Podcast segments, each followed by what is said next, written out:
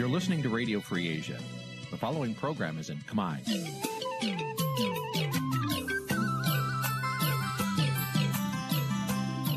នេះជាកម្មវិធីផ្សាយ Vuthu Azizi Serai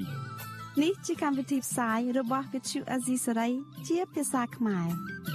Vuthu Azizi Serai សូមស្វាគមន៍លោកអ្នកនាងទាំងអស់ពីរដ្ឋធានី Washington នៃសហរដ្ឋអាមេរិក បាទពីរដ្ឋធានីវ៉ាស៊ីនតោនខ្ញុំបាទសេកបណ្ឌិតសូមជម្រាបសួរអស់លោកនាងកញ្ញាទាំងអស់ជាទីមេត្រីបាទយើងខ្ញុំសូមជូនកម្មវិធីផ្សាយសម្រាប់រាត្រីថ្ងៃសុក្រ6រោចខែចែកចត្វាស័កពុទ្ធសករាជ2565បាទត្រូវនឹងថ្ងៃទីអឺបាទត្រូវនឹងថ្ងៃទី22ខែមេសាគ្រិស្តសករាជ2022បាទជាដំបូងនេះសូមអញ្ជើញអស់លោកអ្នកនាងស្ដាប់ព័ត៌មានប្រចាំថ្ងៃដែលមានមេតិការដូចតទៅ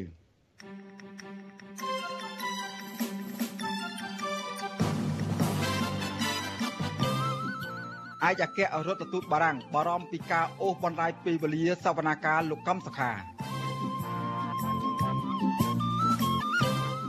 បេក្ខជនគណៈបកភ្លើងទៀនម្នាក់ទៀតត្រូវជួតមិនស្គាល់មុខពីរនាក់បុកផ្ដួលម៉ូតូបណ្ដាលឲ្យរងរបួសធ្ងន់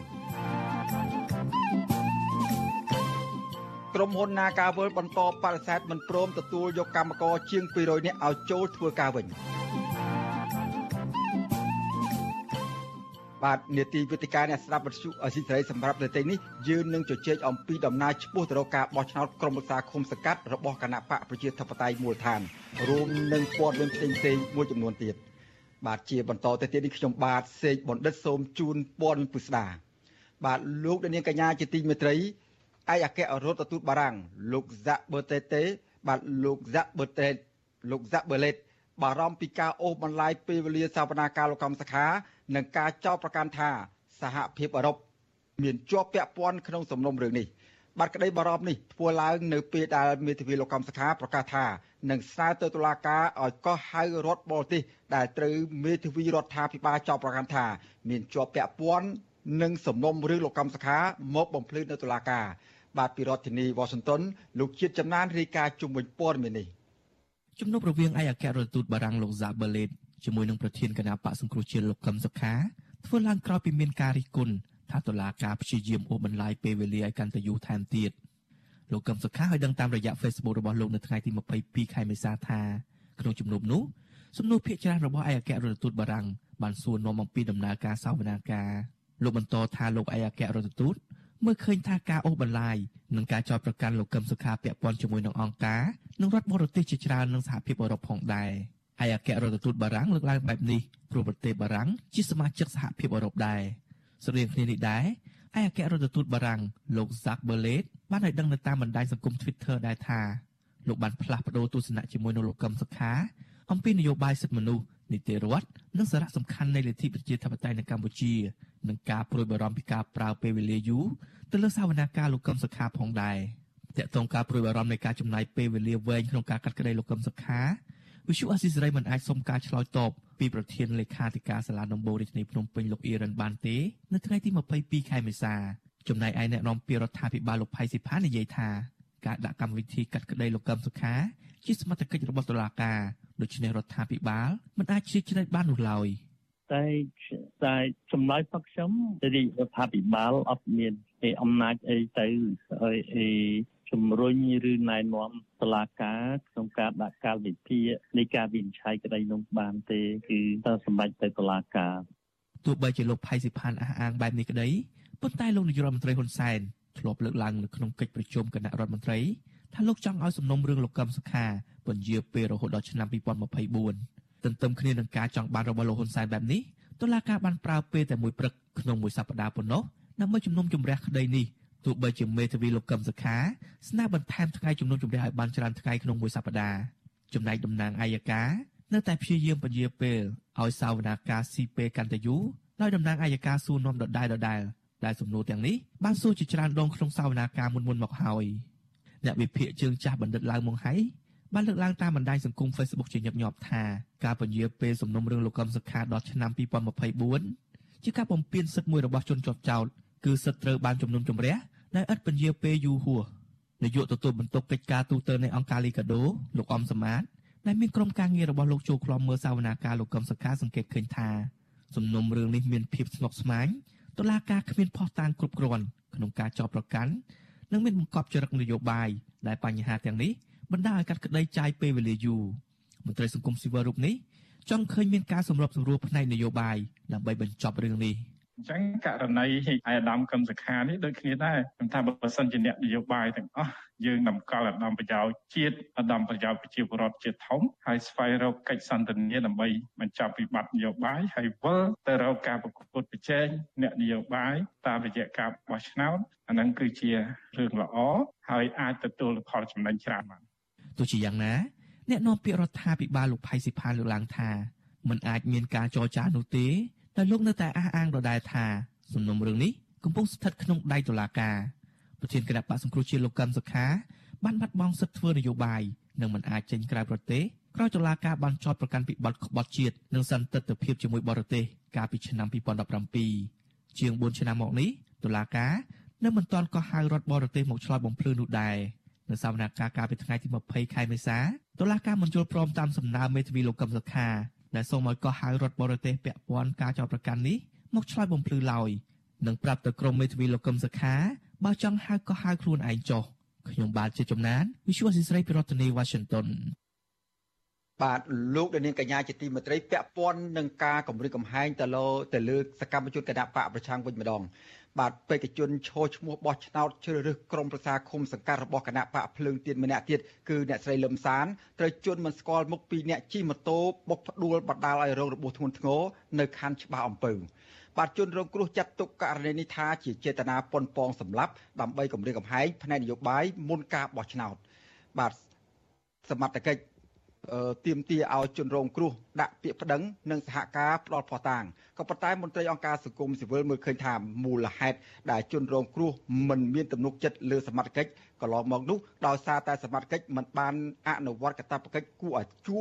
គួរឲ្យជឿទុកចិត្តបាន បាទពីរដ្ឋធានីវ៉ាស៊ីនតោនអ្នកស្រីខែសំណងរាយការណ៍ជុំវិញព័ត៌មាននេះ ស្ត្រីសកម្មជនគណបកភ្លើងទៀនដែលទៅចេញពីពន្ធនាគារគឺលោកស្រីលឹមសានកំពុងបន្តសម្រាប់ពិនិត្យនិងព្យាបាលមុខរបួសនៅក្នុងមន្ទីរពេទ្យមួយនៅថ្ងៃទី22ខែមេសា បន្ទាប់ពីលោកស្រីត្រូវបានជន់មិនស្គាល់មុខពីរនាក់ជិះម៉ូតូបុកចំពាក់កណ្ដាលម៉ូតូលោកស្រីបណ្ដាលឲ្យរងរបួសធ្ងន់ធ្ងរហេតុការណ៍នេះបានកើតឡើងនៅចំណុចផ្លូវលំចូលទៅវត្តគល់ទទឹងប្រហែល200ម៉ែត្រសង្កាត់ព្រៃថ្មីខណ្ឌច្បារអំពៅកាលពីព្រឹកថ្ងៃទី14ខែមេសា ស្ត្រីរូបនេះចាត់ទុកករណីនេះគឺជារឿងនយោបាយដើម្បីគម្រាមកំហែងបំបាក់ស្មារតីសកម្មជនគណៈបកភ្លើងទៀននិងទប់ស្កាត់សកម្មភាពចេញតវ៉ាប្រឆាំងអំពើអយុត្តិធម៌ក្នុងសង្គមសមាជិកក្រុមស្ត្រីថ្ងៃសុកនិងជាបេក្ខជនក្រុមប្រឹក្សាឃុំកំពង់ស្វាយស្រុកគៀនស្វាយនៃគណៈបកភ្លើងទៀនលោកស្រីលឹមសានប្រាប់វិទ្យុអាស៊ីសេរីថាចំថ្ងៃពិធីបុណ្យចូលឆ្នាំខ្មែរមានជនមិនស្គាល់មុខពីរនាក់បានជិះម៉ូតូបុកផ្ដួលចំពាក់កណ្ដាលម៉ូតូរបស់លោកស្រីបណ្ដាលឲ្យលោកស្រីនិងចៅម្នាក់រងរបួសធ្ងន់ហើយសន្លប់នៅនឹងកន្លែងដែលពេលនោះជនល្មើសបានជិះម៉ូតូរត់គេចខ្លួនបាត់លោកស្រីឲ្យដឹងថារហូតមកដល់ពេលនេះលោកស្រីនៅតែឈឺចាប់មុខរបួសខ្លាំងផ្នែកខាងស្ដាំនៃរាងកាយដូចជាត្រង់ក្បាល ស្មានិងជើងដោយត្រូវការពិនិត្យនិងព្យាបាលពីគ្រូពេទ្យជាប្រចាំ សកម្មជនរូបនេះបញ្ជាក់ថាគាត់នឹងមិនប្តឹងប៉ូលីសដោយលើកមុនទេគឺដោយសារតែលោកស្រីគ្មានជំនឿថាប៉ូលីសអាចរកយុត្តិធម៌ជូនសកម្មជននយោបាយបានជាគិតកម្មមួយកុំឲ្យថាបងប្អូនយើងតស៊ូមតិអីទៀតចឹងណាធ្វើខ្ញុំមួយដើម្បីពង្រាមបងប្អូនអីទៅទៀតកុំឲ្យគេមានទឹកចិត្តធ្វើជួយ សង្គមជាតិយើងអញ្ចឹងណាពីថ្ងៃនោះមកខ្ញុំនៅតែមិនអស់ចិត្តមិនអស់ហើយខ្ញុំចាត់ទុកថាគម្រាមកំហែងខ្លាំងជាទីបំផុតតាមសម្លាប់តាមគម្រាមតាមសម្លាប់បំបត្តិមាត់តាមចាប់ដាក់គុកតាមធ្វើបាបគ្រប់រូបភាពរឿងថាអយុត្តិធម៌នោះវាហួសពេកហើយក្រៃលែងហើយរឿងអយុត្តិធម៌នោះជុំវិញរឿងនេះអ្នកនាំពាក្យស្នងការដ្ឋាននគរបាលរាជធានីភ្នំពេញលោកសានសុកសីហាប្រាប់វិទ្យុអាស៊ីសេរីថាកន្លងមកអាជ្ញាធរពុំដែលផ្អឹបសំណុំរឿងរបស់ប្រជាប្រដ្ឋណាម្នាក់ទុកចោលនោះទេ លោកបន្តថាករណីខ្លះសមត្ថកិច្ចជំនាញត្រូវការពេលវេលាស្រាវជ្រាវនិងស៊ើបអង្កេតឲ្យបានច្បាស់លាស់ហើយក៏មិនអាចធ្វើតាមការចង់បានរបស់ជនរងគ្រោះនោះដែរ លោកជំរុញឲ្យជនរងគ្រោះដាក់ពាក្យបណ្ដឹងសហការផ្ដល់ព័ត៌មានមកសមត្ថកិច្ចដើម្បីងាយស្រួលស្រាវជ្រាវករណីទាំងនោះនៅពេលមានករណីអ្វីកើតឡើងមួយសូមឲ្យបងប្អូនប្រជាពលរដ្ឋគាត់អញ្ជើញទៅដាក់ពាក្យបណ្ដឹងទៅដាក់ពាក្យបណ្ដឹងហ្នឹងទី1គឺសូមឲ្យមានការជឿទុកចិត្តទៅលើសមត្ថកិច្ចជាអ្នកអនុវត្តច្បាប់ពីរមានន័យថាសូមផ្ដល់ព័ត៌មានឲ្យបានគ្រប់ជ្រុងជ្រោយតាមការសួរនាំរបស់សមាជិកទោះថាការឲ្យចម្លើយរបស់ជនរងគ្រោះគឺជាចំណុចមួយសំខាន់តែសមាជិកអាចឈានទៅរកការស្រាវជ្រាវឈានទៅរកការខាត់ខ្លួនឬក៏ចាប់ខ្លួនជនស្ដីឬក៏ជនបង្កជនរងគ្រោះអះអាងថាពួកគាត់មិនមានជំនឿថាសមត្ថកិច្ចអាចផ្ដល់យុត្តិធម៌បានឡើយព្រោះកន្លងមកបើទោះបីជាពួកគាត់បានព្យាយាមសហការជាមួយអាជ្ញាធរមានសមត្ថកិច្ចយ៉ាងណាក្តីតែជាក់ស្ដែងមកទល់ពេលនេះគ្មានករណីណាមួយដែលត្រូវបានអាជ្ញាធរបង្ហាញលទ្ធផលស៊ើបអង្កេតគួរឲ្យទុកចិត្តដើម្បីផ្ដល់ទំនុកចិត្តនិងបញ្ជាការចោទប្រកាន់លើអាជ្ញាធរពាក់ព័ន្ធរឿងនយោបាយបានទេ លោកស្រីលឹមសាន គឺជាសមាជិកក្រុមប្រឹក្សាជាប់ឆ្នោតគណៈបកសង្គ្រោះជាតិនៅឃុំកំពង់ស្វាយនិងបច្ចុប្បន្នជាបេក្ខជនក្រុមប្រឹក្សាលេខរៀងទី2នៃគណៈបកភ្លើងទៀននៅឃុំកំពង់ស្វាយស្រុកគៀនស្វាយខេត្តកណ្ដាលលោកស្រីតែងចូលរួមសកម្មភាពជាមួយក្រុមស្ត្រីថ្ងៃសុកប្រមូលផ្ដុំតវ៉ាបញ្ចេញមតិដោយសន្តិវិធីនៅតាមស្ថាប័ននានាដើម្បីទាមទារឲ្យតុលាការដោះលែងអ្នកទោសនយោបាយទាមទាររដ្ឋាភិបាលលោកហ៊ុនសែន គោរពសិទ្ធិមនុស្សនិងស្ដារលទ្ធិប្រជាធិបតេយ្យឡើងវិញកាលពីថ្ងៃទី25ខែកញ្ញាឆ្នាំ2020លោកស្រីលឹមសានក៏ធ្លាប់ត្រូវបានជន់ស្លៀកពាក់ស៊ីវិល3នាក់ជិះម៉ូតូ2គ្រឿងដេញបុកម្ដងរួចមកហើយក្រោយពីគាត់ចេញពីកន្លែងជួបជុំតវ៉ាជាមួយក្រុមស្ត្រីថ្ងៃសុក មួយខែក្រោយមកសមត្ថកិច្ចបានចាប់ខ្លួនលោកស្រីនៅមុខស្ថានទូតចិនប្រចាំក្រុងភ្នំពេញហើយតុលាការបានឃុំខ្លួនលោកស្រីដាក់ពន្ធនាគារជាង1ឆ្នាំពីបទញុះញង់បង្កឲ្យមានភាពវឹកវរធ្ងន់ធ្ងរដល់សន្តិសុខសង្គមពាក់ព័ន្ធទៅនឹងការទៀមទាឲ្យចិនគ្រប់កិច្ចព្រមព្រៀងសន្តិភាពទីក្រុងប៉ារីស23ដុល្លារ ទោះជារងការធ្វើទុកបុកម្នេញយ៉ាងនេះក្តីក្រោយចេញពីពន្ធនាគារលោកស្រីបដិញ្ញាបន្តសកម្មភាពនយោបាយជាមួយគណៈបកភ្លើងទៀននិងប្រមូលផ្ដុំគ្នាតវ៉ាស្ទើររៀងរាល់សប្តាហ៍ជាមួយក្រុមគ្រួសារគណៈបកប្រឆាំងដែលកំពុងជាប់ឃុំដើម្បីដាក់ញត្តិនៅតាមស្ថានទូតប្រទេសប្រជាធិបតេយ្យនិងនៅមុខតុលាការក្រុងភ្នំពេញដដែលប្រធានសមាគមការពារសិទ្ធិមនុស្សអាត់ហុកលោកនីសុខា មានប្រសាសន៍ថាអាញាធរមានកាតព្វកិច្ចការពារសន្តិសុខសុវត្ថិភាពដល់ពលរដ្ឋគ្រប់រូបដោយគ្មានរូបភាពគម្រាមកំហែងនិងបំផិតបំភ័យដែលធានាដោយរដ្ឋធម្មនុញ្ញជាពិសេសបេក្ខជនរបស់គណៈបកនយោបាយអំឡុងពេលបោះឆ្នោត យ៉ាងណាក្តីមន្ត្រីសង្គមស៊ីវិលរូបនេះមើលឃើញថាបទល្មើសដែលកើតឡើងលើសកម្មជននយោបាយជាហូរហែកន្លងមកសមត្ថកិច្ចហាក់មិនយកចិត្តទុកដាក់ដោះស្រាយឬបង្ហាញលទ្ធផលស្រាវជ្រាវណាមួយឲ្យជនរងគ្រោះនិងមហាជន មានទំនុកចិត្តនៅឡើយទេផ្ទុយទៅវិញសមត្ថកិច្ចតែងតែយករួចខ្លួនដោយគ្មានការទទួលខុសត្រូវ។ អាជ្ញាធរនឹងត្រូវតែខិតខំវែកមុខរកឲ្យឃើញនៅបញ្ហាហ្នឹងបើពុំនោះទេគឺថាមហាជនក្តីពិសេសគឺក្រុមអ្នកសកម្មខាងនយោបាយហ្នឹងគេនឹងមានការដាក់ការសង្ស័យទៅលើករណីហ្នឹងថាជាករណីគម្រាមកំហែងនយោបាយហើយពីព្រោះពួកគាត់សិតតែជាសកម្មជននយោបាយដែលសកម្មនៅក្នុងការឈានទៅការប្រកួតប្រជែងដណ្ដើមអំណាចក្រុមប្រសាគុំសង្កាត់នៅពេលខាងមុខនេះបាទ នៅពេលបោះឆ្នោតជ្រើសរើសក្រុមប្រឹក្សាឃុំសង្កាត់ខិតជិតមកដល់ទាំងលោកនាយករដ្ឋមន្ត្រីហ៊ុនសែននិងរដ្ឋមន្ត្រីក្រសួងមហាផ្ទៃលោកសខេងសុទ្ធតែណែនាំឲ្យអាជ្ញាធរមានសមត្ថកិច្ចថ្នាក់ក្រោមត្រូវការពារសុវត្ថិភាពបេក្ខជនឈរឈ្មោះនិងបង្កបរិយាកាសឲ្យបានល្អជៀសវាងអំពើហិង្សា ទាំងរាងកាយនិងពាក្យសម្ដីដើម្បីធានាឲ្យការបោះឆ្នោតខាងមុខប្រព្រឹត្តទៅដោយសេរីត្រឹមត្រូវនិងយុត្តិធម៌ ទោះបីជាលោកហ៊ុនសែនប្រកាសបែបនេះក្តីប៉ុន្តែមកទល់ពេលនេះមានសកម្មជនគណៈបកភ្លើងទៀនចំនួន6នាក់ហើយក្នុងនោះរួមមានទាំងសាច់ញាតិរបស់ពួកគេផងត្រូវបានអាជ្ញាធររដ្ឋាភិបាលលោកហ៊ុនសែនចាប់ខ្លួនដាក់ពន្ធនាគារហើយសកម្មជនជិត10នាក់ទៀតត្រូវតុលាការកោះហៅទៅបំភ្លឺពីបទញុះញង់និងបទក្លែងឯកសារដាក់បេក្ខជនឈរឈ្មោះបោះឆ្នោត ទន្ទឹមនឹងនេះអនុប្រធានប្រតិបត្តិគណៈបកភ្លើងទៀននៅខណ្ឌច្បារអំពៅរាជធានីភ្នំពេញលោកជឿនសារឹមបានស្លាប់ដោយសារគ្រោះថ្នាក់ចរាចរណ៍ដោយគ្រួសារជនរងគ្រោះសង្ស័យថាជាប់ពាក់ព័ន្ធទៅនឹងរឿងនយោបាយក្រៅពីនេះសកម្មជននិងបេក្ខជនគណៈបកនេះជាច្រើនអ្នកទៀតត្រូវបានជន់មិនស្គាល់មុខប៉ុនប៉ងធ្វើបាបដោយគប់ដុំថ្មចូលក្នុងផ្ទះនិងដេញធាក់ផ្ដួលម៉ូតូគំរាមកំហែងនិងរារាំងបេក្ខជនគណៈបកភ្លើងទៀនគ្រប់រូបភាពដែរ ខណៈដែលគណៈបកមួយនេះមានលទ្ធភាពដាក់បេក្ខជនស្ទើរគ្រប់ឃុំសង្កាត់ទូទាំងប្រទេសដោយគណៈបកកាន់អំណាចនិងកំពុងធ្វើសកម្មភាពលេចធ្លោនៅតាមមូលដ្ឋានក្រុមអង្គការសង្គមស៊ីវិលនិងអ្នកសង្កេតការបោះឆ្នោតវាយតម្លៃថាបើបរិយាកាសនយោបាយនៅតែស្ថិតក្នុងភាពអាប់អួរបែបនេះនឹងមិនអាចធានាដល់ការបោះឆ្នោតនៅពេលខាងមុខប្រកបដោយសេរីត្រឹមត្រូវនិងយុត្តិធម៌នោះទេចា៎នាងខ្ញុំខែសុណងវັດឈូអាស៊ីសេរីរាយការណ៍ពីរដ្ឋធានី Washington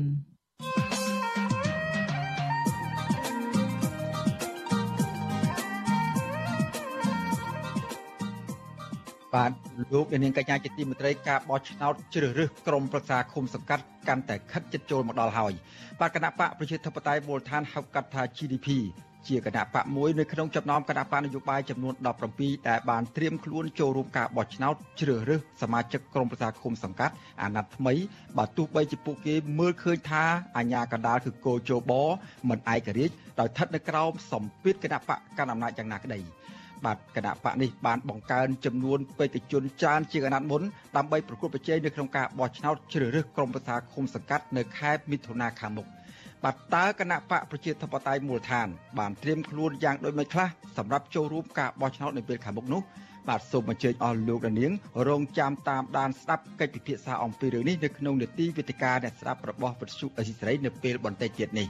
បាទប្រសិនបើលោកនាងមានចម្ងល់ឬក៏ចង់សួរទៅវាគ្មិនកិត្តិយសរបស់នេតិយើងឬក៏ចង់បញ្ចេញមតិយោបល់សូមលោកនាងដាក់លេខទូរស័ព្ទនៅក្នុងខ្ទង់ comment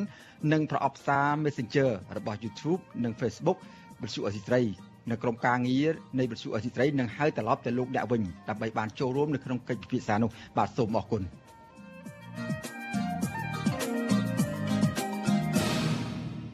បាទឥឡូវក៏លេខទៅមើលបញ្ហាចម្រូងចម្រាសនៅក្នុងក្រុមហ៊ុនបលបែង Nagal World វិញបាទតំណាងសហជីពក្រុមហ៊ុនបលបែង Casino Nagal World សោកស្ដាយដែលភាគីក្រុមហ៊ុននៅតែបន្តបដិសេធមិនព្រមទទួលយកសហជីពនិងកម្មករជាង100នាក់ឲ្យចូលបម្រើការងារវិញបាទក្រុមកោតក្រនិងសហជីពរិះគន់ថាក្រសួងការងារអសមត្ថភាព និងព្យាយាមអូសបន្លាយដោះស្រាយវិវាទការងារដ៏រ៉ាំរ៉ៃមួយនេះដែលធ្វើឲ្យកោតក្រច្រើនអ្នក មានបញ្ហាសេដ្ឋកិច្ចគ្រួសារនិងប្រឈមបញ្ហាសុខភាព បាទពីរដ្ឋធានី Washington អ្នកស្រីម៉ៅសុធានីរាយការណ៍ជុំវិញព័ត៌មាននេះថ្នាក់ដឹកនាំសហជីពលើកឡើងថាក្រសួងការងារមិនមានឆន្ទៈពិតប្រាកដដើម្បីជំរុញអភិគីក្រុមហ៊ុនទទួលយកសមាជិកសហជីពជាង200នាក់ឲ្យចូលធ្វើការងារវិញនោះឡើយ ប្រតិកម្មរបស់ក្រុមសហជីពនេះធ្វើឡើងក្រោយពីភាគីក្រុមហ៊ុន នៅតែបន្តបដិសេធមិនព្រមទទួលសហជីពនិងកម្មករឲ្យចូលបម្រើការងារវិញ ក្នុងជំនួបចរចានៅថ្ងៃទី22ខែមេសាតំណាងប្រតិភូចរចាម្នាក់នៅក្នុងចំណោម5នាក់គឺកញ្ញាសុនត្រីពេជ្រប្រាប់បច្ចុប្បន្នស៊ីស្រីថាកញ្ញាខកចិត្តដែលភាគីក្រុមហ៊ុន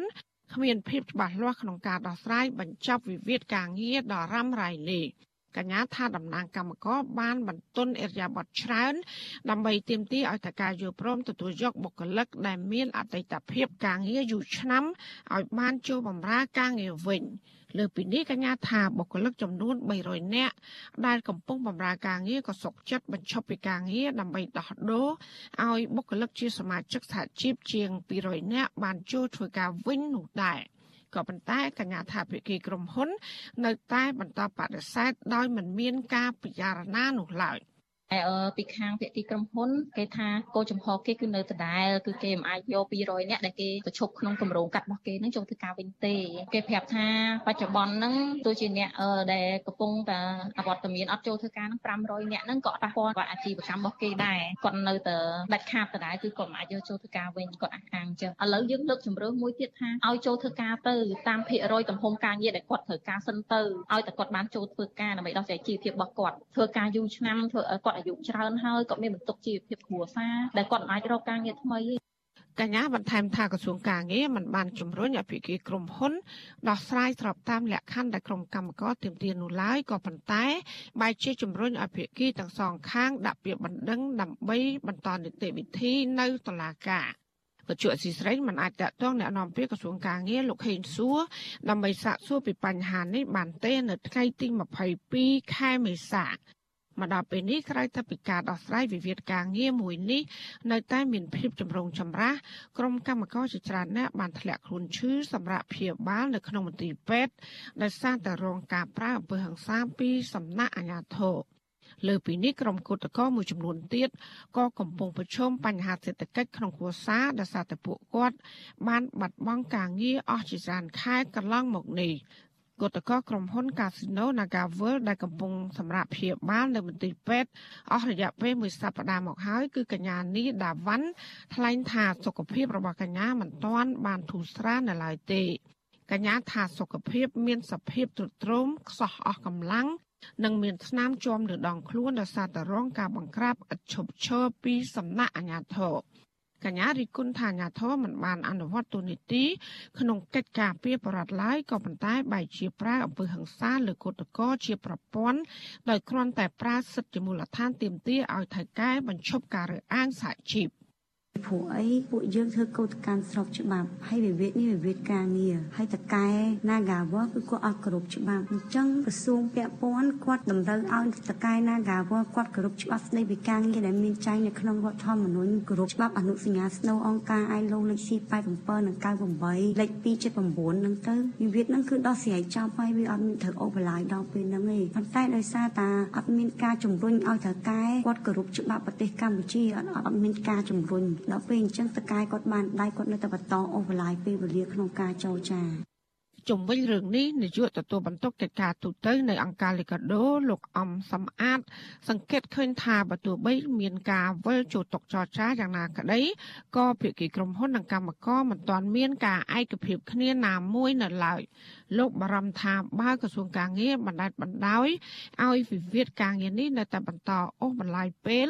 នោះក្រុមគឧតកោនឹងកាន់តែប្រឈមបញ្ហាសុខភាព និងរងសម្ពាធកាន់តែខ្លាំង។ ពិសេសនឹងការប្រឈមមុខរវាងក្រុមកោតក្រជាមួយនឹងអាជ្ញាធរក៏ដូចជាផលវិបាកផ្សេងផ្សេងសម្រាប់ក្រុមគ្រួសាររបស់កោតក្រដែលជាយូរខែមកហើយគ្មានដំណោះស្រាយសម្រាប់គាត់ហើយទស្សនវិជ្ជានិងរូបភាពទាំងអស់នេះវាធ្វើឲ្យមានការរិះគន់ច្រើនពីសហគមន៍ជាតិនិងអន្តរជាតិយើងឃើញថាលទ្ធផលនៃការដោះស្រាយវាហាក់ដូចជាមិនមានការវិវត្តហើយផ្ទុយទៅវិញឃើញគេមានការរិះគន់អំពីការរំលោភពៀនទៅលើសិទ្ធិរបស់កោតក្ររបស់សហជីពទោះជាយ៉ាងណាក្រមសហជីពឲ្យដឹងថាក្រសួងការងារបានឲ្យភាគីទាំងសងខាង ពិចារណាឡើងវិញនិងមានការជួបជជែកគ្នាដើម្បីស្វែងរកដំណោះស្រាយជាថ្មី នៅក្រសួងការងារនៅថ្ងៃទី4ខែឧសភាខាងមុខក្រុមគឧតកោថាបើភាគីក្រុមហ៊ុននៅតែគ្មានដំណោះស្រាយពួកគាត់នឹងបន្តចេញធ្វើកោតកម្មដោយសន្តិវិធីបើទោះបីជាមានការបង្ក្រាបពីសំណាក់អាជ្ញាធរយ៉ាងណាក៏ដោយ ពួកគាត់ទទូចដល់ក្រសួងការងារឈរនៅចំណុចកណ្ដាលនិងជំរុញឲ្យតកែក្រុមហ៊ុនដោះស្រាយវិវាទការងារនេះដោយភាពស្មោះត្រង់និងការគោរពច្បាប់ស្តីពីការងារចាននាងខ្ញុំម៉ៃសុធានីវັດឈូអាស៊ីស្រីប្រធានាធិបតី Washington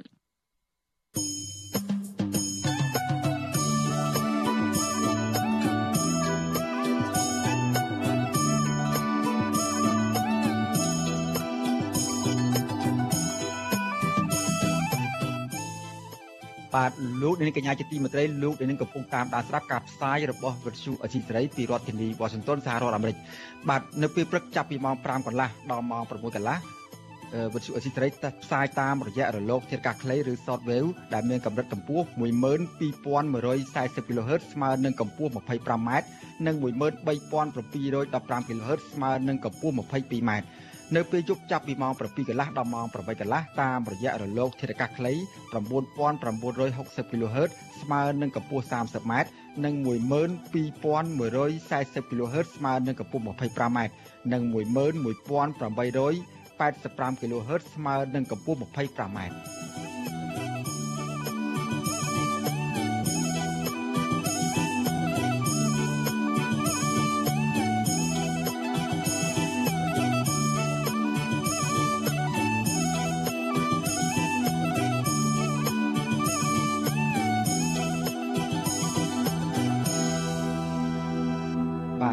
លោកនាងកញ្ញាជាទីមេត្រីពាក់ព័ន្ធនឹងរបាយការណ៍ការគោរពសិទ្ធិមនុស្សនៅប្រទេសកម្ពុជាវិញម្ដងបានមជ្ឈមណ្ឌលសិទ្ធិមនុស្សកម្ពុជាបារម្ភអំពីការធ្លាក់ចុះនៃសិទ្ធិសេរីភាពបញ្ចេញមតិសេរីភាពសារព័ត៌មាននិងសេរីភាពទទួលបានសារព័ត៌មានដែលនៅតែបន្តរងការរឹតបន្តឹងការគម្រាមកំហែងបំផិតបំភ័យនិងប្រឈមនៅនឹងប្រឈមបណ្ដឹងនៅតុលាការជាដើម បាទនៅក្នុងរបាយការណ៍ប្រចាំឆ្នាំរបស់មជ្ឈមណ្ឌលសិទ្ធិមនុស្សកម្ពុជាដែលបានចងក្រងលំអិតរយៈពេល1ឆ្នាំចាប់ពីថ្ងៃទី1ខែកញ្ញាដល់ឆ្នាំ2020ដល់ថ្ងៃទី31ខែសីហាឆ្នាំ2021ដោយបានចេញផ្សាយនៅថ្ងៃទី22ខែមេសានេះបានបង្ហាញទិន្នន័យសំខាន់សំខាន់រួមមានការដកហូតបានរួមមានការដកហូតអាជ្ញាប័ណ្ណប្រព័ន្ធផ្សព្វផ្សាយចំនួន7 ក្រមអ្នកសារព័ត៌មាននិងអ្នកការពារសិទ្ធិមនុស្សចំនួនចំនួនរងការប្រឈមនឹងបណ្ដឹងទៅតុលាការរងការបំផិតបំភ័យនៅពេលចុះអនុវត្តការងាររបស់ខ្លួនបន្ថែមពីលើនេះទៀតក្រមអ្នកសារព័ត៌មាននិងប្រជាពលរដ្ឋនៅតែប្រឈមដោយមិនទទួលបានព័ត៌មាននិងដាក់កំហិតដល់ខ្លួនឯងកាន់តែកើនច្រើនឡើងបាទអ្នកសម្របសម្រួលគម្រោងការលើកកម្ពស់ និងការពារសិទ្ធិសេរីភាពបញ្ចេញមតិនិងប្រព័ន្ធផ្សព្វផ្សាយឯករាជ្យនៃមជ្ឈមណ្ឌលសិទ្ធិមនុស្សកម្ពុជា លោកអ៊ួនលោកហ៊ួនផនមានប្រសាសន៍ប្រាប់បទសុអសីស្រីមុនការផ្សាយនេះបន្តិចថាទាំងអ្នកយកព័ត៌មាន និងអ្នកការពារសិទ្ធិមនុស្សនៅតែបន្តរងការគំរាមកំហែងទាំងផ្លូវច្បាប់និងសវត្ថិភាពផ្ទាល់ខ្លួនដោយសារតែច្បាប់ដែលរដ្ឋាភិបាលបានបង្កើតឡើងមិនស្របតាមបទដ្ឋានច្បាប់សិទ្ធិមនុស្សអន្តរជាតិនិងត្រូវបានតុលាការប្រើប្រាស់ ជាឧបករណ៍ក្នុងការដាក់ទោសប្រឆាំងជាមួយនឹងអ្នកដែលមានទស្សនៈផ្ទុយពីរដ្ឋាភិបាលយើងក៏សម្គាល់ឃើញថាយ៉ាងហោចណាស់ក៏មានអ្នកសារព័ត៌មាន9នាក់ហើយក្នុងនោះក៏មានអ្នកការពារសិទ្ធិមនុស្ស17នាក់ដែលរងការបៀតបៀនឬយាយីតាមរយៈតាមរយៈផ្លូវច្បាប់ក៏ដូចជាការគម្រាមកំហែងតាក់ទងមួយសន្តិសុខផ្ទាល់ខ្លួននេះជាដើមទាំងអស់នេះយើងចង់បង្ហាញថាការអនុវត្តនៅសិទ្ធិសេរីភាពបច្ចេកមតិក៏ដូចជាសេរីភាពសារព័ត៌មាន មានការរដ្ឋបတ်មានការរដ្ឋបတ်ទាំងផ្នែកផ្លូវច្បាប់ក៏ដូចជានៅការគម្រាមកំហែងតាក់ទងជាមួយនឹងសមត្ថភាពតខ្លួនផងដែរតាក់ទងមួយការអនុវត្តផ្លូវច្បាប់ចង់ឆ្លុំចាំងថាច្បាប់មួយចំនួនដែលរដ្ឋាភិបាលលោកបានតាក់តែងឡើងហ្នឹងយើងឃើញថា វាអត់មានសង្គតភាពជាមួយនឹងច្បាប់អន្តរជាតិជាពិសេសតកតងជាមួយនឹងបទដ្ឋានគតិយុត្តតកតងមួយរឿងសិទ្ធិមនុស្សហើយជាមួយនឹងការអនុវត្តច្បាប់វិញក៏យើងឃើញថាជាការប្រឈមដែរច្បាប់ត្រូវបានប្រើជាឧបករណ៍ក្នុងការបំបត្តិសម្លេងដែលមានមតិផ្ទុយពីរដ្ឋាភិបាលជាដើម បាទរបាយការណ៍ដដាលក៏បានផ្ដល់អនុសាសន៍ជាច្រើនដល់រដ្ឋាភិបាលដើម្បីឲ្យមានវិធានការជាក់លាក់នៅក្នុងការបំពេញកាតព្វកិច្ចរបស់ខ្លួនស្របតាមបទដ្ឋានច្បាប់អន្តរជាតិដើម្បីការពារលើកកម្ពស់និងសេរីភាពបញ្ចេញមតិសេរីភាពសារព័ត៌មាននិងសិទ្ធិទទួលបានព័ត៌មានជាដើមបាទជាពិសេសគឺជំរុញឲ្យមានភាពចម្រុះនៃប្រព័ន្ធផ្សព្វផ្សាយតាមរយៈ សារព័ត៌មានឯករាជ្យអាចធ្វើការស៊ើបអង្កេតនិងរាយការណ៍គ្រប់បញ្ហា ដែលមានប្រយោជន៍សម្រាប់សាធារណជន ដោយមិនមានការភ័យខ្លាចនិងធានាថារាល់ស្ថាប័នរដ្ឋាភិបាលនិងឯកជន ដែលមានមុខងារសាធារណៈត្រូវអនុវត្តនូវគោលការណ៍នៃការបញ្ចេញឬក៏បង្ហាញព័ត៌មានឲ្យបានជាអតិបរមា thank you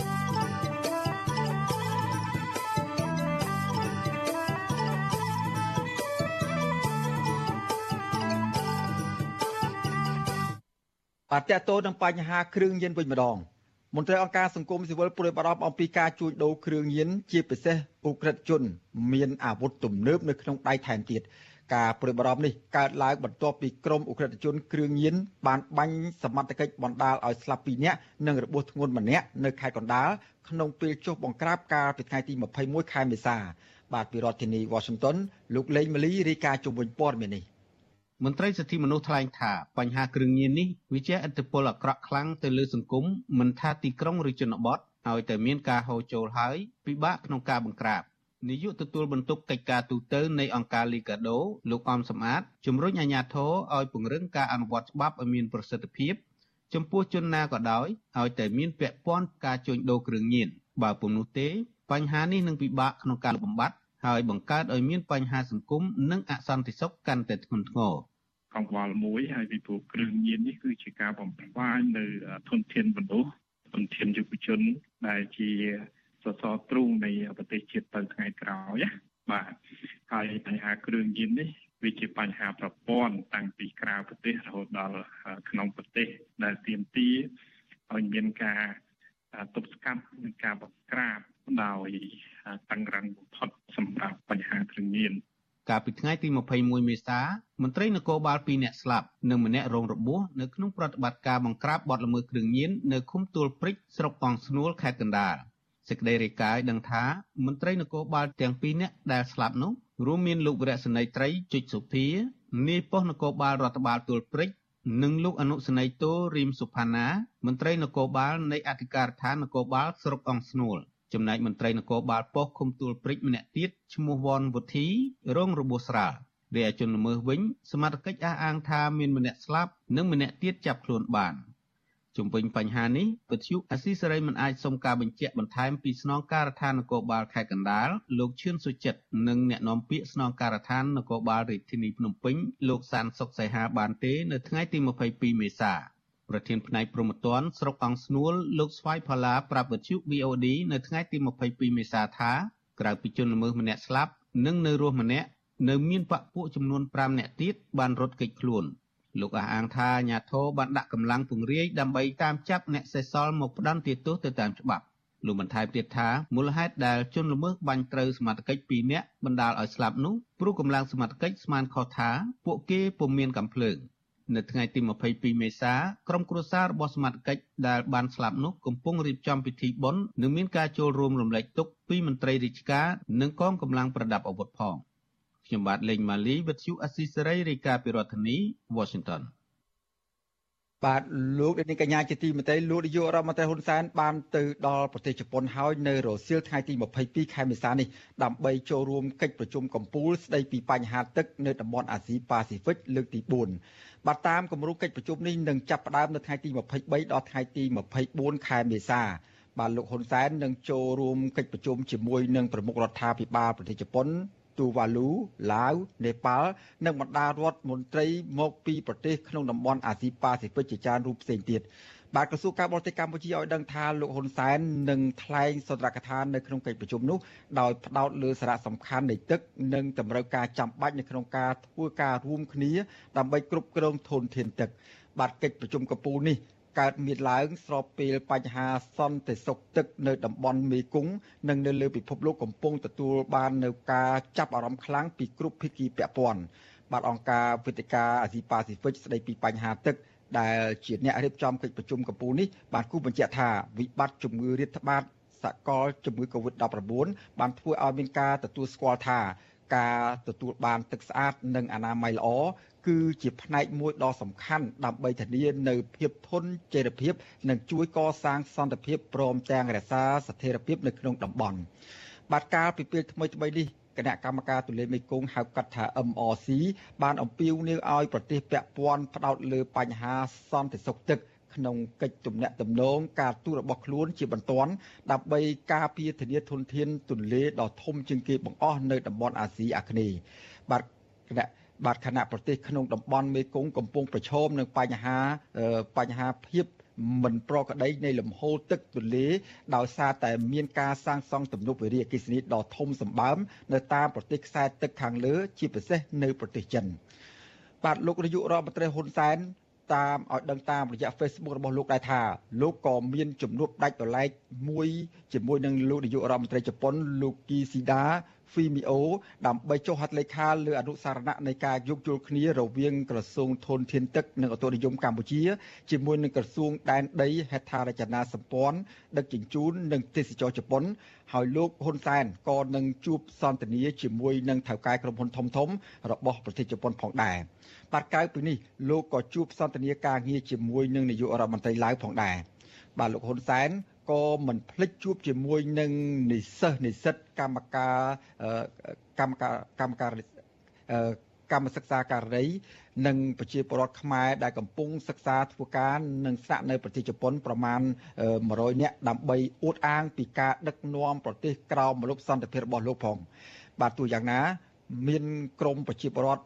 រស់នៅក្នុងប្រទេសជប៉ុនមួយចំនួន បង្ហាញការមិនពេញចិត្តនិងមិនស្វាគមន៍ដំណើរទស្សនកិច្ចរបស់លោកហ៊ុនសែននៅក្នុងប្រទេសជប៉ុននោះឡើយបាទឥឡូវនេះពាក់ព័ន្ធនឹងដំណើរទស្សនកិច្ចរបស់លោកនាយករដ្ឋមន្ត្រីហ៊ុនសែននៅប្រទេសជប៉ុននោះដែរវិទ្យុអស៊ីស្រីបានអញ្ជើញអ្នកវិភាគមួយរូបដែលកំពុងភៀសខ្លួននៅប្រទេសហ្វាំងឡង់គឺលោកកឹមសុកដើម្បីឲ្យលោកពិនិត្យមើលតើដំណើរទស្សនកិច្ចរបស់លោកនាយករដ្ឋមន្ត្រីហ៊ុនសែននៅប្រទេសជប៉ុននេះ មានផ្លែផ្កាឬមួយក៏មានការចាប់អារម្មណ៍យ៉ាងម៉េចពីសាធារណជន បាទសូមជម្រាបសួរលោកកឹមសុខបាទបាទជម្រាបសួរបាទបាទលោកកុំសុខជាដំបូងនេះចង់ឲ្យលោកមើលពីលទ្ធផលនៃជំនួបរបស់លោកនាយករដ្ឋមន្ត្រីហ៊ុនសែនក្នុងកិច្ចប្រជុំកម្ពុជានៅក្នុងប្រទេសជប៉ុននោះនឹងការជួបពិភាក្សាការងារផ្សេងផ្សេងជាមួយអ្នកជំនួយធំធំនៅប្រទេសជប៉ុននោះតើនឹងផ្ដល់ផលប្រយោជន៍អ្វីខ្លះសម្រាប់ប្រទេសកម្ពុជាបាទ មែនទែនលោកហ៊ុនសែនទៅធ្វើដំណើរទស្សនកិច្ចទៅប្រទេសជប៉ុនក្នុងកិច្ចប្រជុំអំពីបញ្ហាទឹកនេះមានផ្ដល់ផលប្រយោជន៍អ្វីធំដុំដល់ប្រទេសកម្ពុជានោះទេហើយដំណើរទស្សនកិច្ចនោះខ្ញុំឃើញថាវាមានលក្ខណៈឬក៏ចរិតជាទេសចរការទូតច្រើនជាងពីព្រោះបញ្ហាទឹកនៅប្រទេសកម្ពុជាលោកហ៊ុនសែនមិនដែលដោះស្រាយផង ឧទាហរណ៍ទន្លេមេគង្គប៉ះពាល់ដោយសារតែទំនប់វារីអគ្គិសនីនៅឡាវពេលឡាវបាត់ទៅយើងខ្វះទឹកពេលឡាវបើកទៅយើងទឹកជំនន់លោកហ៊ុនសែនមិនដែលនឹងនិយាយផងបញ្ហាទឹកជំនន់នៅប្រទេសកម្ពុជា គឺជាបញ្ហាដ៏ធំមួយ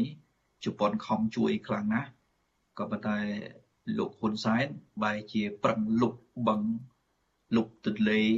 ដូច្នេះជប៉ុនខំជួយយ៉ាងណាក៏ពិបាកនឹងស្ដារស្ថានភាពទឹកជំនន់នៅប្រទេសកម្ពុជាដែរគ្រោះរាំងស្ងួតពេលណាអត់ភ្លៀងក៏គ្រោះរាំងស្ងួតកាន់តែខ្លាំងអញ្ចឹងទៅប្រជាកសិករខ្មែរសពថ្ងៃភាគច្រើនលើលោកនៅតែធ្វើស្រែពឹងមេឃដដែលបញ្ហាទឹកនៅប្រទេសកម្ពុជាលោកហ៊ុនសែនមិនដែលដោះស្រាយផងរួចហើយ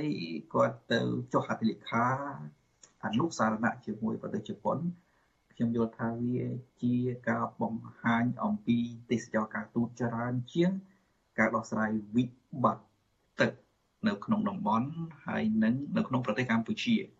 ជប៉ុននិងប្រទេសដទៃទៀតគេប្រឹងប្រែងហើយប៉ុន្តែលោកហ៊ុនសែនទំនងជាគ្រាន់តែចូលរួម ក្នុងន័យកម្ពុជាជាសមាជិកម្នាក់នៅក្នុងក្របខ័ណ្ឌនៃការគិតគូរអំពីបញ្ហានឹងតែប៉ុណ្ណោះបាទអរគុណចំណុចមួយទៀត បើទោះបីជាលោកទៅទស្សនកិច្ចចូលរួមកិច្ចប្រជុំអំពីបញ្ហាទឹកនេះក៏ដោយចុះក៏ប៉ុន្តែក៏ស្របពេលគ្នានឹងប្រទេសកម្ពុជាជិតដល់ពេលរៀបចំការបោះឆ្នោតជ្រើសរើសក្រុមប្រឹក្សាគុំសង្កាត់ដែរនៅខែមិថុនាខាងមុខនេះបាទតើនៅក្នុងឱកាសនេះលោកនាយករដ្ឋមន្ត្រីហ៊ុនសែនអាចយកឱកាសនេះទៅ lobby ប្រទេសជប៉ុនឲ្យជួយក្នុងដំណើរការបោះឆ្នោតនិងជួយកសាងហេដ្ឋារចនាសម្ព័ន្ធអីដល់ប្រទេសកម្ពុជាដែរទេពីព្រោះមករយៈពេលចុងក្រោយនេះ ប្រទេសជប៉ុនយើងដឹងហើយថាជាប្រទេសដ៏ដែលមានតែងតែផ្ដល់ជំនួយច្រើនជាងគេនៅមកដល់ប្រទេសកម្ពុជាទាំងការបោះឆ្នោត និងការកសាងឡើងវិញនៅហេដ្ឋារចនាសម្ព័ន្ធក៏ប៉ុន្តែមួយរយៈពេលនេះបានស្ងាត់តើបញ្ហានេះអាចនឹងគាត់ទៅជួយរំលឹកឲ្យជប៉ុនឡើងវិញឲ្យគិតគូរអំពីបញ្ហានេះឡើងវិញដែរទេបាទជំនួបរវាងលោកហ៊ុនសែននិងនាយករដ្ឋមន្ត្រីជប៉ុនច្បាស់ណាស់ទី1លោកហ៊ុនសែននឹងស្វែងរកការគ្រប់គ្រងហិរញ្ញវត្ថុ ពីប្រទេសជប៉ុនហើយជាពិសេសតកតងទៅនឹងជំនួយបោះឆ្នោតឃុំសង្កាត់ឆ្នាំ2022នេះនៅខែមិថុនាហើយទី2លោកហ៊ុនសែនបង្ហាញអំពីភាពល្អក់លឿនខ្លះហើយជាមួយនឹងនាយករដ្ឋមន្ត្រីជប៉ុន ដើម្បីទុកផ្លូវទាក់ទាញវិនិយោគខ្លះពីប្រទេសជប៉ុនឲ្យទៅរកស៊ីនៅប្រទេសកម្ពុជា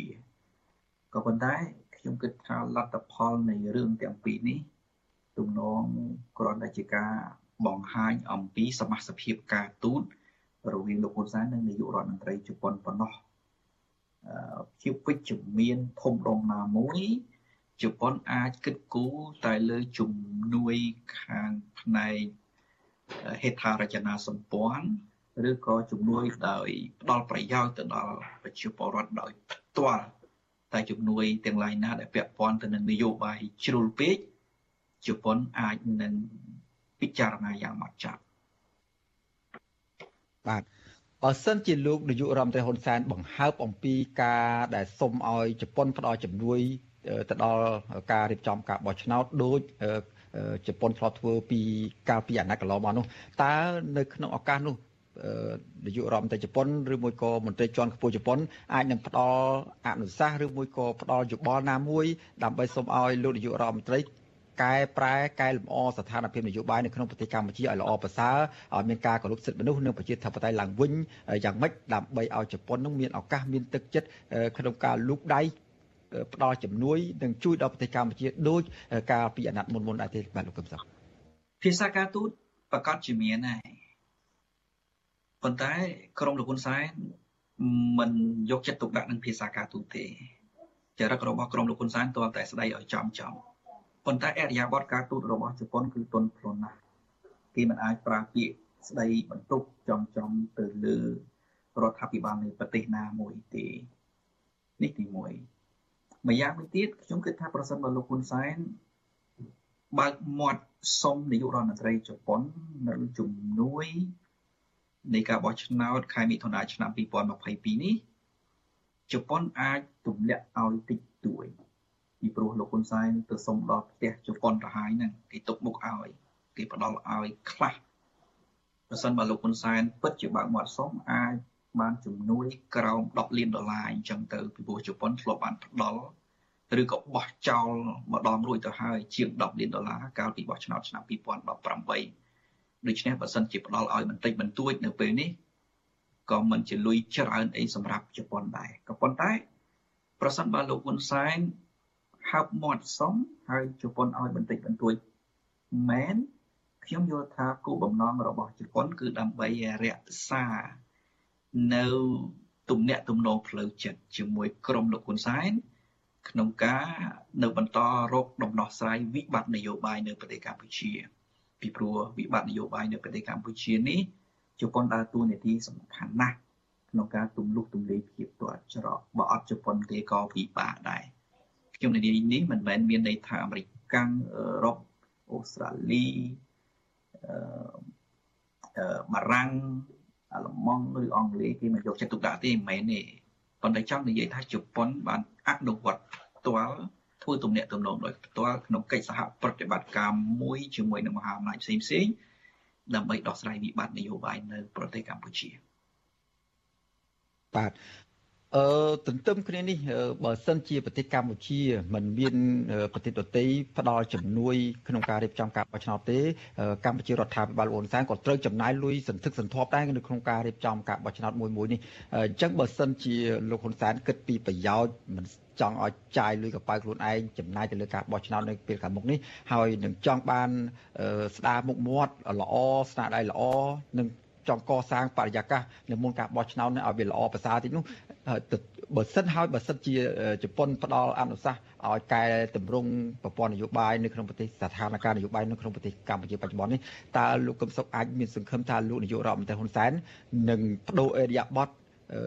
ររួមគ្នាធ្វើសហការជាមួយនឹងគណៈបញ្ញយោបាយធ្វើយ៉ាងណាឲ្យបរិយាកាសការគោរពសិទ្ធិមនុស្សការគោរពលទ្ធិប្រជាធិបតេយ្យនៅក្នុងប្រទេសកម្ពុជាមុនការបោះឆ្នោតជុំម្ដងនេះអាចមានភាពល្អប្រសើរជាងបណ្ដាពេលមុនអាចទេបាទបែងចែកជាពីរទី1ជប៉ុននឹងបង្ហាញនៅអរិយាប័ត្រការទូតជាមួយនឹងលោកហ៊ុនសែនហើយឧទាហរណ៍ថាជប៉ុនគេប្រើភាសាការទូតថា ចង់ឃើញការស្ដារប្រជាធិបតេយ្យឬក៏មានការវិវត្តល្អនៃលទ្ធិប្រជាធិបតេយ្យនៅក្នុងប្រទេសកម្ពុជា ហើយគេនៅតែបន្តជួយជ្រោមជ្រែងអញ្ចឹងទៅណាឧទាហរណ៍ថាប្រសិនបើមានការបោះឆ្នោតសេរីគួរទទួលយកបានឆ្នាំ2023ខាងមុខក៏គេនៅតែបន្តជួយអញ្ចឹងទៅជាភាសាការទូតប៉ុន្តែភាសាការទូតមួយនេះមានកម្រិតធ្ងន់ណាស់គឺស្មើនឹងស្ដីបន្ទោសលោកហ៊ុនសែន ថាធ្វើឲ្យលទ្ធិប្រជាធិបតេយ្យនៅប្រទេសកម្ពុជានឹងដើរថយក្រោយមែនទែនចំណុចទី2រឿងសេរីភាពនៃការបោះឆ្នោតឬក៏បរិយាកាសនៅមុនការបោះឆ្នោតឆ្នាំ2022ខែមិថុនានេះខ្ញុំគិតថាមិនភុំដុំប្រមាណទេដោយសារតែលោកហ៊ុនសែនដឹងស្រាប់ទៅហើយគណៈបករបស់គាត់គឺគណៈបកប្រជាជនកម្ពុជា អាចឈ្នះការបោះឆ្នោតនោះភ្លុកទឹកភ្លុកដីទៅហើយម្យ៉ាងវិញទៀតគណៈបកផ្សេងផ្សេងដែលចូលរួមចូលរួមទាំងប្រភពញុចគេអាចបង្វិលស្ថានភាពតាមរបៀបនៃការប្រើយន្តការគ្រប់គ្រងបែបគោជោបអញ្ចឹងទៅដូច្នេះលោកហ៊ុនសែនដឹងអំពីការដែលបានផលច្រើនពីការបោះឆ្នោតរបស់គាត់រួចជាស្រេចទៅហើយគណៈបកផ្សេងផ្សេងទៅចូលរួមការបោះឆ្នោតដែលគណៈបកប្រជាជនកម្ពុជារៀបចំ ម្ល៉េះហើយខ្ញុំគិតថាបរិយាកាសនៅមុនការបោះឆ្នោតហ្នឹងមិនជាអាក្រក់ប្រមាថទេពីព្រោះលោកហ៊ុនសែនគាត់ដឹងថាគាត់ឈ្នះមិនមែនមានន័យថាអត់មានទេស្ថានភាពអាក្រក់ក៏ប៉ុន្តែវាមិនធំដុំវាមិនធ្ងន់ធ្ងរពេកដោយសារតែលោកហ៊ុនសែនគ្រប់គ្រងការបោះឆ្នោតនោះបានទាំងស្រុងប៉ុន្តែបើសិនបើការបោះឆ្នោតនេះសេរីសំទោសបើការបោះឆ្នោតនេះមានកម្លាំងនៃការតស៊ូឬក៏គូប្រជែងខ្លាំងគូប្រជែងរួមរួមដោយគណៈបកសង្គ្រោះជាតិ ខ្ញុំគិតថាបរិយាកាសនៅមុនការបោះឆ្នោតគឺប្រមាថបន្តិចដែរបាទតែយ៉ាងណាមុននឹងលោកនាយករដ្ឋមន្ត្រីហ៊ុនសែនទៅប្រទេសជប៉ុន លោកបានអឺថ្លែងសារឬមកក៏ផ្ដល់អនុសាសន៍ឲ្យបើកចំហបើកទូលាយបរិយាកាសនយោបាយរៀងធូរជាមុនតិចដែរដោយគាត់បានផ្ដល់អនុសាសន៍ឲ្យថាធ្វើធ្វើការសហការគ្នាជាមួយគណៈបកនយោបាយបើកលំហឲ្យមានគណៈបកនយោបាយធ្វើការដោយស្រុះស្រួលគ្នាហើយថ្មីថ្មីនេះលោកនាយករដ្ឋមន្ត្រីហ៊ុនសែនក៏ផ្ដល់ ឱកាសឲ្យមន្ត្រីរដ្ឋាភិបាលធ្វើការជិតស្និទ្ធជាមួយនឹងអង្គការវិជាជីវៈពាក់ព័ន្ធនឹងវិស័យការងារជាដើមដែរតើបញ្ហានេះអាចថាលោកហ៊ុនសែនបោះតម្រុយមួយថាលោក ចង់កសាងបរិយាកាសមួយល្អមុនការបោះឆ្នោតហើយជាវិញ្ញាសាមួយដាក់ទៅប្រទេសជប៉ុនថាជប៉ុនគួរតែងាកមកជួយកម្ពុជាផ្ដល់ជាជំនួយផ្ដល់ជាសម្ភារៈផ្សេងផ្សេងបច្ចេកទេសផ្សេងផ្សេងក្នុងការរៀបចំការបោះឆ្នោតនេះឲ្យល្អប្រសើរដើម្បីឲ្យអន្តរជាតិគេមើលមកឃើញថាការរៀបចំបោះឆ្នោតលើកនេះមានការរៀបចំឡើងប្រសើរជាងកាលពីឆ្នាំមុនមុនដែរទេបាទលោកហ៊ុនសែនបោះសារចោលតែរបៀបហ្នឹង មិនអាចជឿបានទេពីព្រោះគាត់រំលាយគណៈបកសង្គ្រោះជាតិប្លន់អំណាចគាត់ថានឹងប្រជាធិបតេយ្យទៅហើយចាំបាច់ទៅជឿលោកហ៊ុនសែនអំពីសារនយោបាយបែបហ្នឹងទៅអីគាត់គ្រាន់តែនិយាយឲ្យទៅលឺនៅមុនការបោះឆ្នោតហើយនឹងនៅមុនដំណើរទស្សនកិច្ចរបស់គាត់ទៅប្រទេសជប៉ុនតែប៉ុណ្ណោះរីឯការបោះឆ្នោតនេះបើទោះបីជាជប៉ុនចូលរួមក៏ដោយខ្ញុំឧបមាទេណាប៉ុន្តែខ្ញុំគិតថាជប៉ុនមិនចូលរួមទេយ៉ាងច្រើនប្រសិនបើលោកហ៊ុនសែនសុំលុយខ្លះ ជប៉ុនអាចទម្លាក់លុយចោលខ្លះទៅឲ្យកោជបតែប៉ុណ្ណឹងប៉ុន្តែបើជប៉ុនចូលរួមមិនចូលរួមទេប៉ុន្តែការបោះឆ្នោតនេះបើទោះបីជាយ៉ាងណាក៏ដោយមានការរៀបចំបែបមួយណាក៏ដោយដល់ដំណាក់កាលនេះទៅហើយចិត្តបោះឆ្នោតទៅហើយมันអាចនិយាយអំពីរបៀបឬក៏ការរៀបចំយន្តការដែលអាចទទួលយកបាននោះទេពីព្រោះមកដល់ពេលនេះយើងនិយាយពីការទទួលយកបានយ៉ាងម៉េច បើអ្នកនយោបាយដែលមានសក្តានុពលក្នុងការប្រកួតនយោបាយគេបណ្ដោយចូលរួមផងហ្នឹងឧទាហរណ៍លោកកឹមសុខាលោកសំរៀងស៊ីអ្នកផ្សេងផ្សេងទៀតហើយចូលរួមតែគណៈបកមួយចំនួនដែលបែកខ្ញែកចេញពីគណៈបកសង្គ្រោះជាតិហើយនិងគណៈបកភ្លើងទៀននៅក្រោមជន្នការនៃគោជបដែលគណៈបកប្រជាជនកម្ពុជាអាចកំងលទ្ធផលបានហ្នឹងព្រោះហើយមកដល់ពេលនេះទៅហើយ គ្មានវិធីធ្វើឲ្យការបោះឆ្នោតឃុំសង្កាត់ខែ2តុលាឆ្នាំ2022នឹងប្រកបដោយសេរីត្រឹមត្រូវយុត្តិធម៌អាចទទួលយកបាននោះទេបាទអឺបញ្ហាមួយទៀតដែលពាក់ព័ន្ធទៅមុនបរិយាកាសមុនការបោះឆ្នោតនេះដែរហើយទន្ទឹមនឹងលោកនាយករដ្ឋមន្ត្រីហ៊ុនសែនបើកផ្ញើសារឲ្យបើកចំហបរិយាកាសនយោបាយអឺ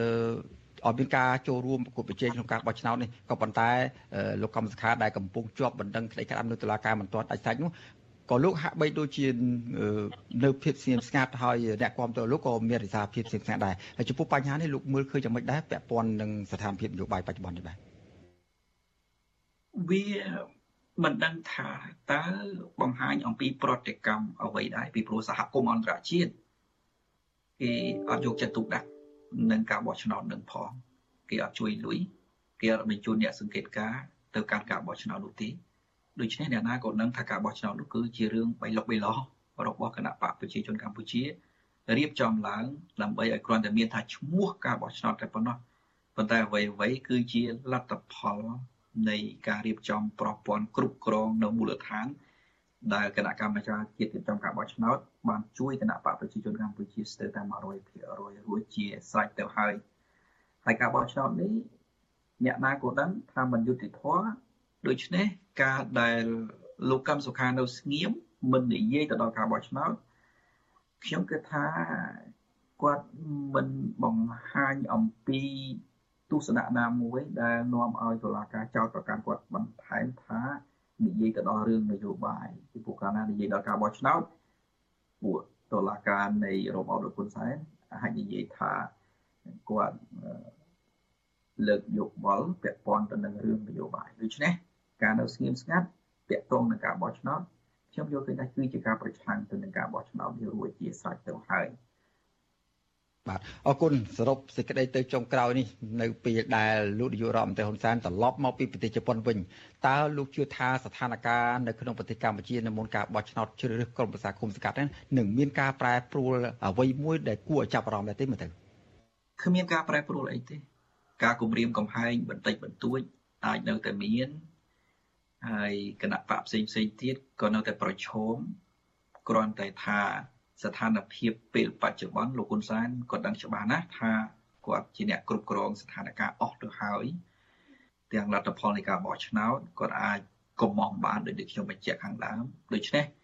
គាត់មានតែព្យាយាមបន្ធូរកុំឲ្យមានការប៉ះទង្គិចខ្លាំងតែប៉ុណ្ណឹងតែប៉ុណ្ណោះកាលណាប៉ះទង្គិចខ្លាំងពេកវាធ្វើឲ្យមានការរិះគន់ទៅដល់អំពើហិង្សានៃការបោះឆ្នោតឬតាក់ទងនឹងការបោះឆ្នោតម្ល៉េះហើយវិធីរបស់លោកហ៊ុនសែនគឺគម្រាមអ្នកណា ដែលគាត់គិតថាមានភាពសកម្មពេកគម្រាមចោះចោះគម្រាមដោយដុំដោយដុំគម្រាមមួយមួយក៏ប៉ុន្តែជាទូទៅគាត់ព្យាយាមសម្រួលស្ថានភាពមិនឲ្យឃើញអំពើហិង្សាធ្ងន់ធ្ងរពេក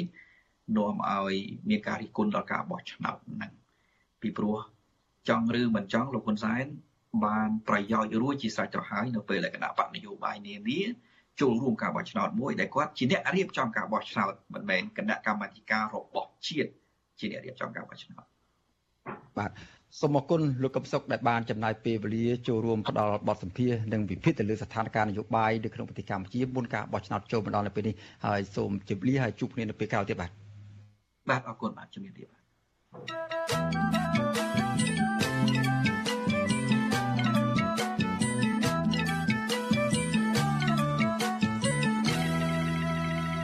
បាទលោកនាងកញ្ញាជាទីមេត្រីលោកនាយករដ្ឋមន្ត្រីហ៊ុនសែនបានណែនាំដល់ក្រមការងាររដ្ឋាភិបាលរាជធានីខេត្តទូទាំងប្រទេសឲ្យសហការជាមួយនឹងអង្គការវិជ្ជាជីវៈព្រមទាំងនយោជកទៅរៀបចំពិធីសម្ដែងសម្ដាលជាមួយនឹងគណៈកម្មការនយោជិតសហជីពនិងតំណាងមន្ត្រីរាជការគ្រូបង្រៀនក្នុងខួបអនុស្សាវរីយ៍លើកទី136នៃទិវាពលកម្មអន្តរជាតិ1ឧសភាបាទទិវាពលកម្មអន្តរជាតិនេះធ្វើឡើងក្រោមប្រធានបទសន្តិភាព សុខភាព និងសន្តិភាពការងារបាទទីប្រឹក្សាសមាគមគ្រូបង្រៀនកម្ពុជាឯករាជ្យនិងជាប្រធានសហភាពសហជីពកម្ពុជាលោករងឈុនថ្លែងថាក្នុងទិវាពលកម្មអន្តរជាតិលោកនឹងធ្វើសេចក្តីថ្លែងការណ៍រួមដើម្បីស្នើសុំឲ្យរដ្ឋាភិបាលយកចិត្តទុកដាក់ធ្វើឲ្យមានលក្ខណៈការងារល្អលើគ្រប់វិស័យបាទលោកលើកឡើងថាពាក្យស្លោកដែលរដ្ឋាភិបាលព្យាយាមបង្ហាញប្រជាពលរដ្ឋនោះมันអាចឆ្លើយតបតាមតម្រូវការរបស់ប្រជាពលរដ្ឋជា ឬក៏កម្មករបានទេលោកថាមានតែការអនុវត្តល្អខិតខំដោះស្រាយរាល់បញ្ហាទុកកង្វល់របស់កម្មករនៅតាមរោងចក្រសហគ្រាសនិងបញ្ឈប់ការរំលោភសិទ្ធិសេរីភាពទើបជារឿងល្អប្រសើរបាទលោកបន្តថាជាក់ស្ដែងដូចជាការទៀមទារបស់ក្រម កម្មករបុគ្គលិក Nagawal រដ្ឋាភិបាលគួរតែព្យាយាមដោះស្រាយជូនពួកគាត់ដោយមិនត្រូវបង្ក្រាបដោយហិង្សាចាប់ដាក់ពន្ធនាគារនិងយកឡានដឹកជញ្ជូនពួកគាត់ទៅដាក់នៅទីកន្លែងឆ្ងាយឆ្ងាយពីទីក្រុងទីប្រជុំជនដែលពួកគាត់ចង់តវ៉ានោះឡើយ បាទលោកនាងកញ្ញាជាទីមេត្រីពាក់ព័ន្ធនឹងស្ថានភាពជំងឺ Covid វិញម្ដងបាទក្រសួងសុខាភិបាលរកឃើញករណីឆ្លងជំងឺ Covid-19 ចំនួន26នាក់បន្ថែមទៀតដែលសុទ្ធតែជាមេរោគប្រភេទអូមីក្រុង និងភាគច្រើនជាករណីឆ្លងនៅក្នុងសហគមន៍តែយ៉ាងណាក្រសួងថាមិនមានករណីស្លាប់នៅថ្ងៃដដែលនេះទេបាទគិតត្រឹមព្រឹកថ្ងៃទី22ខែមេសានេះកម្ពុជាមានអ្នកកើតជំងឺ Covid-19 ជាង136,000នាក់ក្នុងនោះ អ្នកជាសះស្បើយមានជាង132,000នាក់និងអ្នកស្លាប់មានចំនួន3056នាក់ក្រសួងសុខាភិបាលប្រកាសថាគិតត្រឹមថ្ងៃទី21ខែមេសាម្សិលមិញរដ្ឋាភិបាលបានចាក់វ៉ាក់សាំងគ្រប់ដូសជូនដល់ប្រជាពលរដ្ឋជាង14លាននាក់រីឯដូសចំនួនទី3និងទី4វិញរដ្ឋាភិបាលចាក់ជូនប្រជាពលរដ្ឋបានជាង9លានដូស បាទលោកនាងកញ្ញាជាទីមេត្រីព័ត៌មានប្រចាំថ្ងៃដែលជម្រាបជូនដោយខ្ញុំបាទសេកបណ្ឌិតនៅពេលនេះចាប់តែប៉ុណ្ណេះហើយជាបន្តទៅទៀតនេះសូមអញ្ជើញអស់លោកនាងរងចាំស្ដាប់កិច្ចពិភាក្សានីតិវិទ្យាអ្នកស្ដាប់វិទ្យុអេស្ត្រីដែលយើងពិភាក្សាអំពីដំណើរឆ្ពោះទៅរកការបោះឆ្នោតជ្រើសរើសក្រុមប្រឹក្សាគុំសង្កាត់របស់គណៈបកប្រជាធិបតេយ្យមូលដ្ឋាន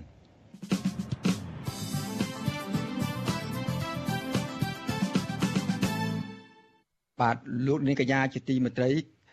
គណៈបកប្រជាធិបតេយ្យមូលដ្ឋាន គឺជាគណៈបកមួយដែលដែល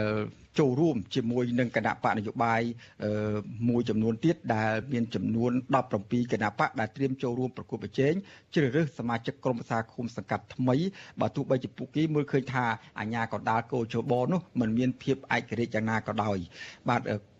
គណៈបកប្រជាធិបតេយ្យមូលដ្ឋានបានបង្កើនសមាជិក បេក្ខជនរបស់ខ្លួនដែលចូលឈ្មោះតាមឃុំសង្កាត់នោះបានច្រើនជាងអាណត្តិមុនដោយសង្ឃឹមថាគណៈបកនេះនឹងព្យាយាមចូលរួមដឹកនាំឃុំសង្កាត់នឹងធ្វើឲ្យមានប្រជាធិបតេយ្យនៅតាមឃុំសង្កាត់និងមានសម្លេងតស៊ូមតិនៅតាមឃុំសង្កាត់នោះឲ្យបានច្រើនជាងមុនបាទនៅក្នុងនីតិវិទ្យាអ្នកស្ដាប់សម្រាប់ប្រទេសនេះយើងបានអញ្ជើញវិលខមិនមួយរូបគឺជាប្រធានគណៈបកប្រជាធិបតេយ្យមូលដ្ឋាន គឺលោកយាយវិរៈបាទ ឥឡូវនេះខ្ញុំបានឃើញលោកយាយវិរៈបានឡើងមកក្នុងការផ្សាយរបស់យើងហើយខ្ញុំបាទសូមជម្រាបសួរលោកយាយវិរៈពីចម្ងាយទៀតបាទសូមជម្រាបសួរបាទបាទអឺសុខទុក្ខយ៉ាងណាដែរលោកយាយវរៈខានជួបគ្នាយូរហើយបាទបាទអត់អីទេបាទនៅសុខសប្បាយបាទបាទសូមអរគុណនៅខានជួបគ្នាយូរបាទ បាទ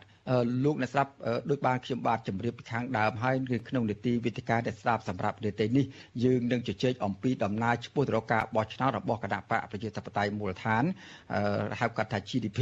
បាទហើយដូចខ្ញុំបានជម្រាបចឹងគណៈបកប្រជាធិបតេយ្យមូលដ្ឋានបានត្រៀមលក្ខណៈរួចរាល់ហើយក្នុងការប្រកួតប្រជែងក្នុងការជ្រើសរើសបោះឆ្នោតនៅពេលខាងមុខនេះបាទបើសិនជាលោកអ្នកនាងមានសំណួរមានចង់មានការបញ្ចេញមតិយោបល់ឬមួយក៏ចង់ចូលរួមដោយ ពិភាក្សាទៅលើចំណុចណាមួយនោះជាមួយនឹងគណៈបកប្រជាធិបតេយ្យដែលមានលោកយើងវិរៈជាអ្នកជួយឆ្លើយនៅរាល់សំណួររបស់លោកនាងដែលមានចម្ងល់នោះសូមលោកនាងដាក់លេខទូរស័ព្ទនៅក្នុងខ្ទង់ comment Messenger Facebook និង YouTube ដែលកំពុងផ្សាយផ្ទាល់នៅពេលនេះក្រុមការងាររបស់យើងខ្ញុំនឹងហៅត្រឡប់ទៅលោកអ្នកវិញបាទត្រឡប់មកលោកយាយវិរៈវិញតើដំណើរឈ្មោះទៅរកការបោះឆ្នោតរបស់គណៈបកប្រជាធិបតេយ្យមូលដ្ឋាននៅពេលនេះមានជួបបញ្ហាអ្វីខ្លះដែរទេបាទ អឺបាទសូមអរគុណលោកសេចបណ្ឌិតហើយសូមជម្រាបសួរដល់បងប្អូនជនរួមជាតិទាំងអស់ដែលកំពុងចូលរួមទស្សនាស្ដាប់វិទ្យុអាស៊ីសេរីនៅពេលនេះបាទអឺបាទប្រហែលជាសូមត្រឡប់ទៅក្រោយវិញបន្តិចនៅពេលដែលលោកសេចបណ្ឌិតបានចាប់ផ្ដើមរំលឹកខ្លះខ្លះអំពីគណៈបកប្រជាធិបតេយ្យមូលដ្ឋានខ្ញុំចង់ជំរាបថាគណៈបកប្រជាធិបតេយ្យមូលដ្ឋានមកដល់ម៉ោងនេះយើងមានអាយុ6ឆ្នាំជាងហើយ ហើយយើងបានមានបទពិសោធន៍ក្នុងការចូលរួមក្នុងការបោះឆ្នោតពីរដងអឺបាទកាលពី2017ក៏យើងចូលរួមប្រកួតនៅក្នុងការបោះឆ្នោតឃុំសង្កាត់ដែរហើយកាលនោះមានគណៈបកធំធំ2គណៈបកប្រជាជននិងគណៈបកសង្គ្រោះជាតិបាទហើយយើងទទួលបានការគ្រប់គ្រង3ឃុំនៅក្នុង3ឃុំបាទយើងឈ្នះអាសនៈក្នុង3ឃុំក្នុងចំណោម27ឃុំដែលយើងប្រកួតបាទ ហើយអឺនៅហើយយើងបានអឺទូរនីតិជាជំទប់ទី1ទី2អឺហើយនឹងក្រុមប្រឹក្សាគុំបាទ5អាសនៈអឺយើងនិយាយទៅនៅក្នុង27ឃុំដែលយើងប្រកួតកាលពី2017ហ្នឹងយើងនៅជាគណៈបកដែលនៅរៀងគេថាលំដាប់នៅពេលលទ្ធផលបោះឆ្នោតកាលនោះគឺយើងនៅលំដាប់ទី3បាទ នៅក្នុងឃុំចំនួន19ដែលយើងប្រកួតបាទហើយអឺតាំងពីយើងអឺអូហើយនិយាយទៅនៅក្នុងឃុំប៉ាតេយើងខ្វះតែ11អឺសំឡេងទេក៏អីយើងបានដល់ទៅឃុំបាទអញ្ចឹងអឺបាទការប្រកួតនៅក្នុងឃុំប៉ាតេនៅរតនគិរីអឺជាជាជាលទ្ធផលនៃនៃការបោះឆ្នោត2017ហ្នឹង សមាជិកក្រុមប្រឹក្សាគុំរបស់យើងជំទប់របស់យើងធ្វើការបានល្អបំរើប្រជាពលរដ្ឋអញ្ចឹងដោយលោកនិយាយអញ្ចឹងគឺគឺថាគាត់បានកាសបានចូលរួមដឹកនាំសុខភូមិបាទហើយពេលខ្លះក៏តស៊ូមតិអីចឹងច្រើនដែរអញ្ចឹងចឹងជាលទ្ធផលគឺថាមានការអភិវឌ្ឍច្រើននៅក្នុងទឹកដីឃុំដែលមានសមាជិកក្រុមប្រឹក្សាកូតាគណៈបព្វជិតតែមូលដ្ឋានជាងធ្វើការបាទ ហើយគាត់ធ្វើការនៅក្នុងឃុំទាំងប្រមាណហ្នឹងគឺថាអត់មានរើសអើងនយោបាយទេគាត់បំពេញតួនាទីក្នុងនាមជាជំទប់ក្នុងនាមជាសមាជិកក្រុមប្រឹក្សាឃុំបម្រើជាបរដ្ឋគ្រប់វិស័យបាទទាំងផ្នែកអភិវឌ្ឍហេដ្ឋារចនាសម្ព័ន្ធកិច្ចការសង្គមកិច្ចដោះស្រាយបញ្ហារបស់អ្នកភូមិអីហ្នឹងបាទអញ្ចឹងផ្អែកលើបទពិសោធន៍នឹងហើយយើងត្រៀមខ្លួនក្នុងការចូលរួមក្នុងការពួត ក្នុងអាណត្តិនេះទៀតបាទហើយបាទដោយលោកសេចបណ្ឌិតបាននិយាយចឹងគឺនៅក្នុងអាណត្តិទី5នេះសម្រាប់5ឆ្នាំទៅមុខទៀតនេះយើងគណៈបកប្រជាធិបតេយ្យមូលដ្ឋានចុះបញ្ជីបេក្ខជនរបស់ខ្លួនហ្នឹងនៅក្នុង32ឃុំសង្កាត់បាទហើយនៅក្នុង15ខេត្តក្រុងកាលពី2017 27ឃុំ